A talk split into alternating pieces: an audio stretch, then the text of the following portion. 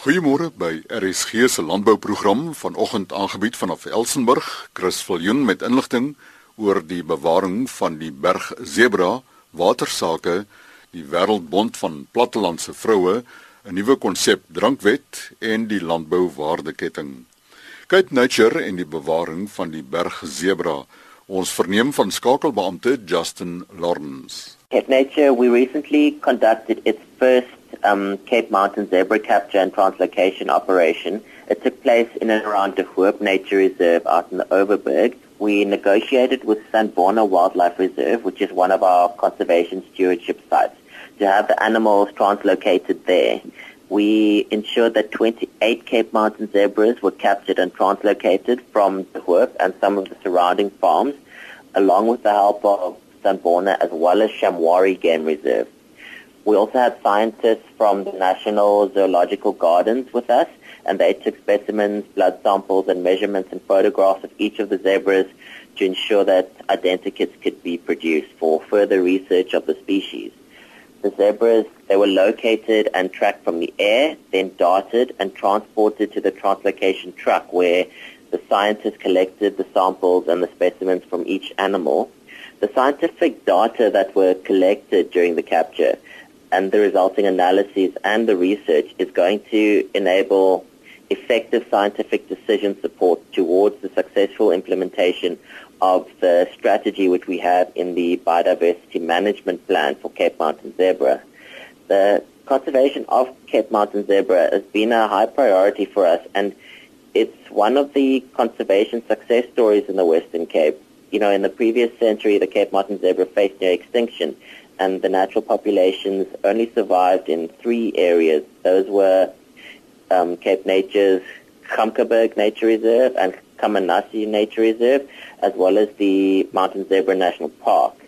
And today, the species in a, is in a much better position with population numbers having grown significantly, and you know it's going to continue to strive thanks to interventions such as our translocation So it's basically a very good conservation success story for the Western Cape. Die skakelbeampte van Cape Nature, Justin Lawrence.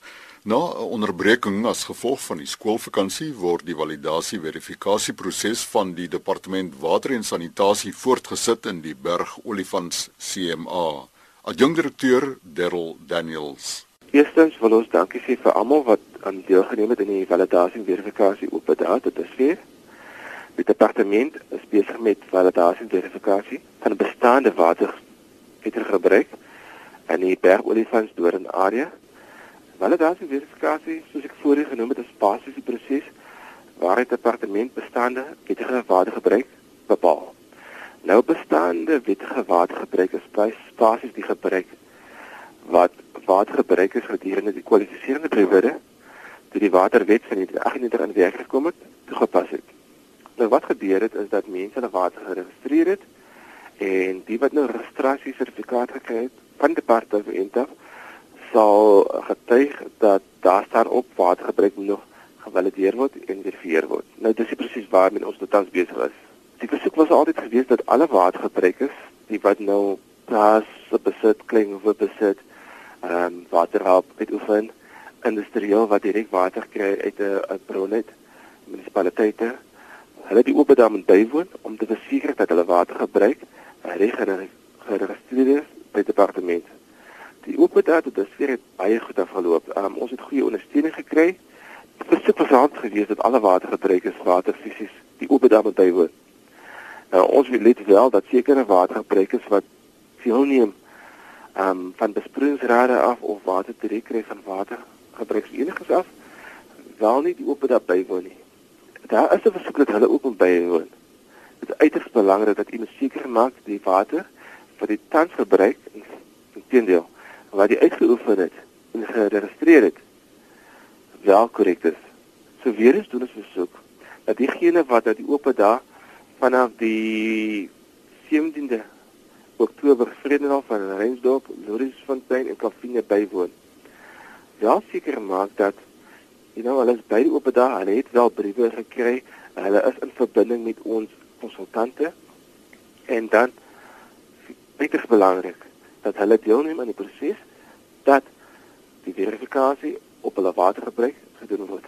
Derrel Daniels van die Departement Water en Sanitasie en sy selnommer 082 908 3236 082 908 3236 Die Wêreldbond van Plattelandse Vroue Konferensie is afgeloop. Ons verneem by VLVK president Karin van Skalkwyk van die Handam.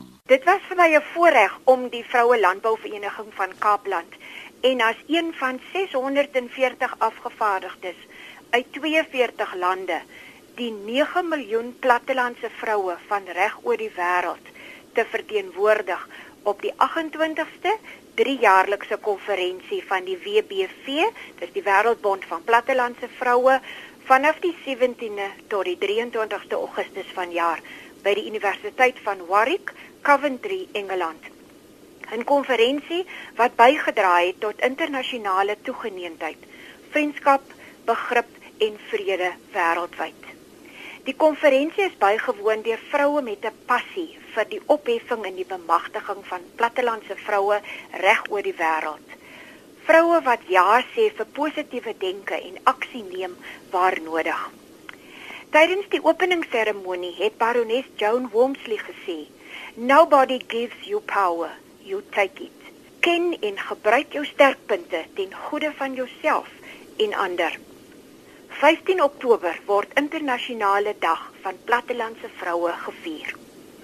Klem is geplaas op die bewaring van natuurlike hulpbronne en voedselsekerheid. Water is lewe. Ontstellende feite rondom voedselvermorsing is deur die WBPV Landboukomitee deurgegee. Wêreldwyd word meer kos as verpakking weggegooi. 1/3 van alle voedsel wat geproduseer word, word vermors, waar dit tot 3 miljard mense kon voed. Navorsing het getoon dat 45% van vrugte wat vermors word, gelykstaande is aan 3.7 triljoen appels en 1 biljoen sakke aardappels. Vleisvermorsing is gelykstaande aan 75 miljoen beeste. 16 Oktober is Wêreldvoedseldag. Hierdie jaar word die klem geplaas op die maak van verpulpte voedsel.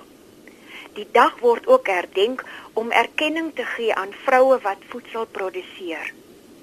Die helfte van die wêreld se kos word deur vrouens produseer, maar slegs 1% van landbougrond behoort aan vroue. Mevrou Mabel Moya van Zimbabwe, area president van Suidelike Afrika, het in haar verslag gesê: "Empower yourselves women, don't sit on your hands." En mevrou Ruth Shanks van Australië, en president van die Wêreldbond van Plattelandse Vroue sê: "You only have one life, so use it for what you see fit and remember you are you." Jy is baie welkom om VLVK se werksaamhede te volg by www.vlv.co.za. Die president van VLVK, Karin van Skalkwyk, die bestuurder van Winpro Wynkelders, Christo Konradi, gesels nou oor die nuwe konsep drankwet. Die regering en dit sluit al die departemente in, is uit die aard van die saak baie baie bekommerd oor die sosio-ekonomiese impak van drank. Hulle is ook bekommerd oor drankmisbruik. Hulle is baie bekommerd oor onwettige handel in drank en dan natuurlik daarmee saam die sluikhandel. Nou Chris, ek wil sommer vir jou sê die wynbedryf is net so bekommerd. Verder weet ons dit reeds en ek dink baie mense sê as jy al hierdie berigte in die laaste tyd sien, maar besef die regering nie die binnelandse produk bydra wat die wat die wynbedryf en of die industrie dan lewe wat van al die drankmaatskappye as as groepering gepraat word nie. Kom ek noem dit sommer net so vinnig vir die luisteraars aan hulle prentjie. Julle eerste is dat die, die bydra van van die totale drankomgewing is ongeveer 5% tot die land se bruto binnelandse produk. Ons uh, verskaf werk omtrent aan so 550 000 mense en ongeveer 42 miljard is die bydrae in belasting en aksies. En vir elke rand wat daaraan 'n uh, aan die verkoopsfonds spandeer word, gaan daar ongeveer R2.8 terug na die bruto binnelandse produk. Maar ons fokus werklik op aspekte wat wat lyk soos sluikhandel, en waar dit kom spesifiek by onwettige handel in drank En dan natuurlik om te gaan kyk is die polisieering en die toepassing van hierdie wette. Die 3-4 goed wat wat die afgelope tyd die aandag trek is om die ouderdom te verhoog van 18 na 21, die uitsaai tye van advertensies op televisie en op radio van eers na 10 in die aand tot soggens 6uur, terwyl is daar nou om enige verkoopspunte binne 500 meter van skole, kerke en ander publieke areas uh, mee weg te doen. Maar ons is 100% ook daar dat te sê dit gaan nie die probleem oplos nie. Ons is besig om hier net eenvoudig miskien te kyk na simptome wat ons probeer hanteer terwyl die dieper liggende oorsaak eerder gevind moet word. En hier gaan dit dan om te kyk spesifiek uh hoe lyk dit ook in daai informele nedersettings? Hoe lyk dit ook spesifiek as dit kom die rol wat dwelm speel? Ook die rol van werkskepping, ook die rol van werkloosheid in in in die groter ekonomie. So hierdie is net eenvoudig 'n drankprobleem nie. So Christie in daai agtergrond dink ek ons verstaan hoekom die regering dit wil doen. Ons verstaan en hulle verstaan ook baie duidelik die ekonomiese bydrae wat die industrie lewer. En hulle dan nou gesê, maar goed, weet jy, ons is glad nie gemaklik met al hierdie dinge wat julle sê nie. Ons hoor dit, maar die uitgawe en die seer kry en die hartseer aan die ander kant is net eenvoudig te groot om net eenvoudig niks daaraan te doen nie. So die volgende 30 dae het ons as industrie maar ook die publiek daar buite wat vanoggend luister dan geleentheid om enige kommentaar deur te gee.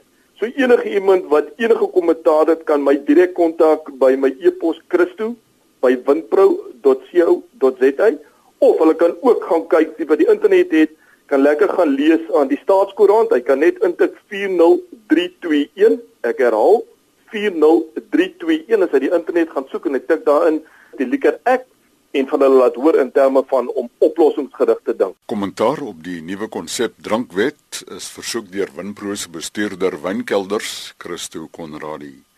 Die Launch Lab nou oor die waardeketting entrepreneurskap hoor ons van professor Dani Brink, waarnemende dekaan van die fakulteit Agriwetenskappe aan die Universiteit van Stellenbosch. Universiteite wêreldwyd kom met inisiatiewe voor 'n dag om hierdie oorskakeling van pasgegradueerde studente en om hulle te probeer deel maak van die ekonomie en so het Stellenbosch via die ehm um, eenheid Innovus wat verantwoordelik is vir kommersialisering.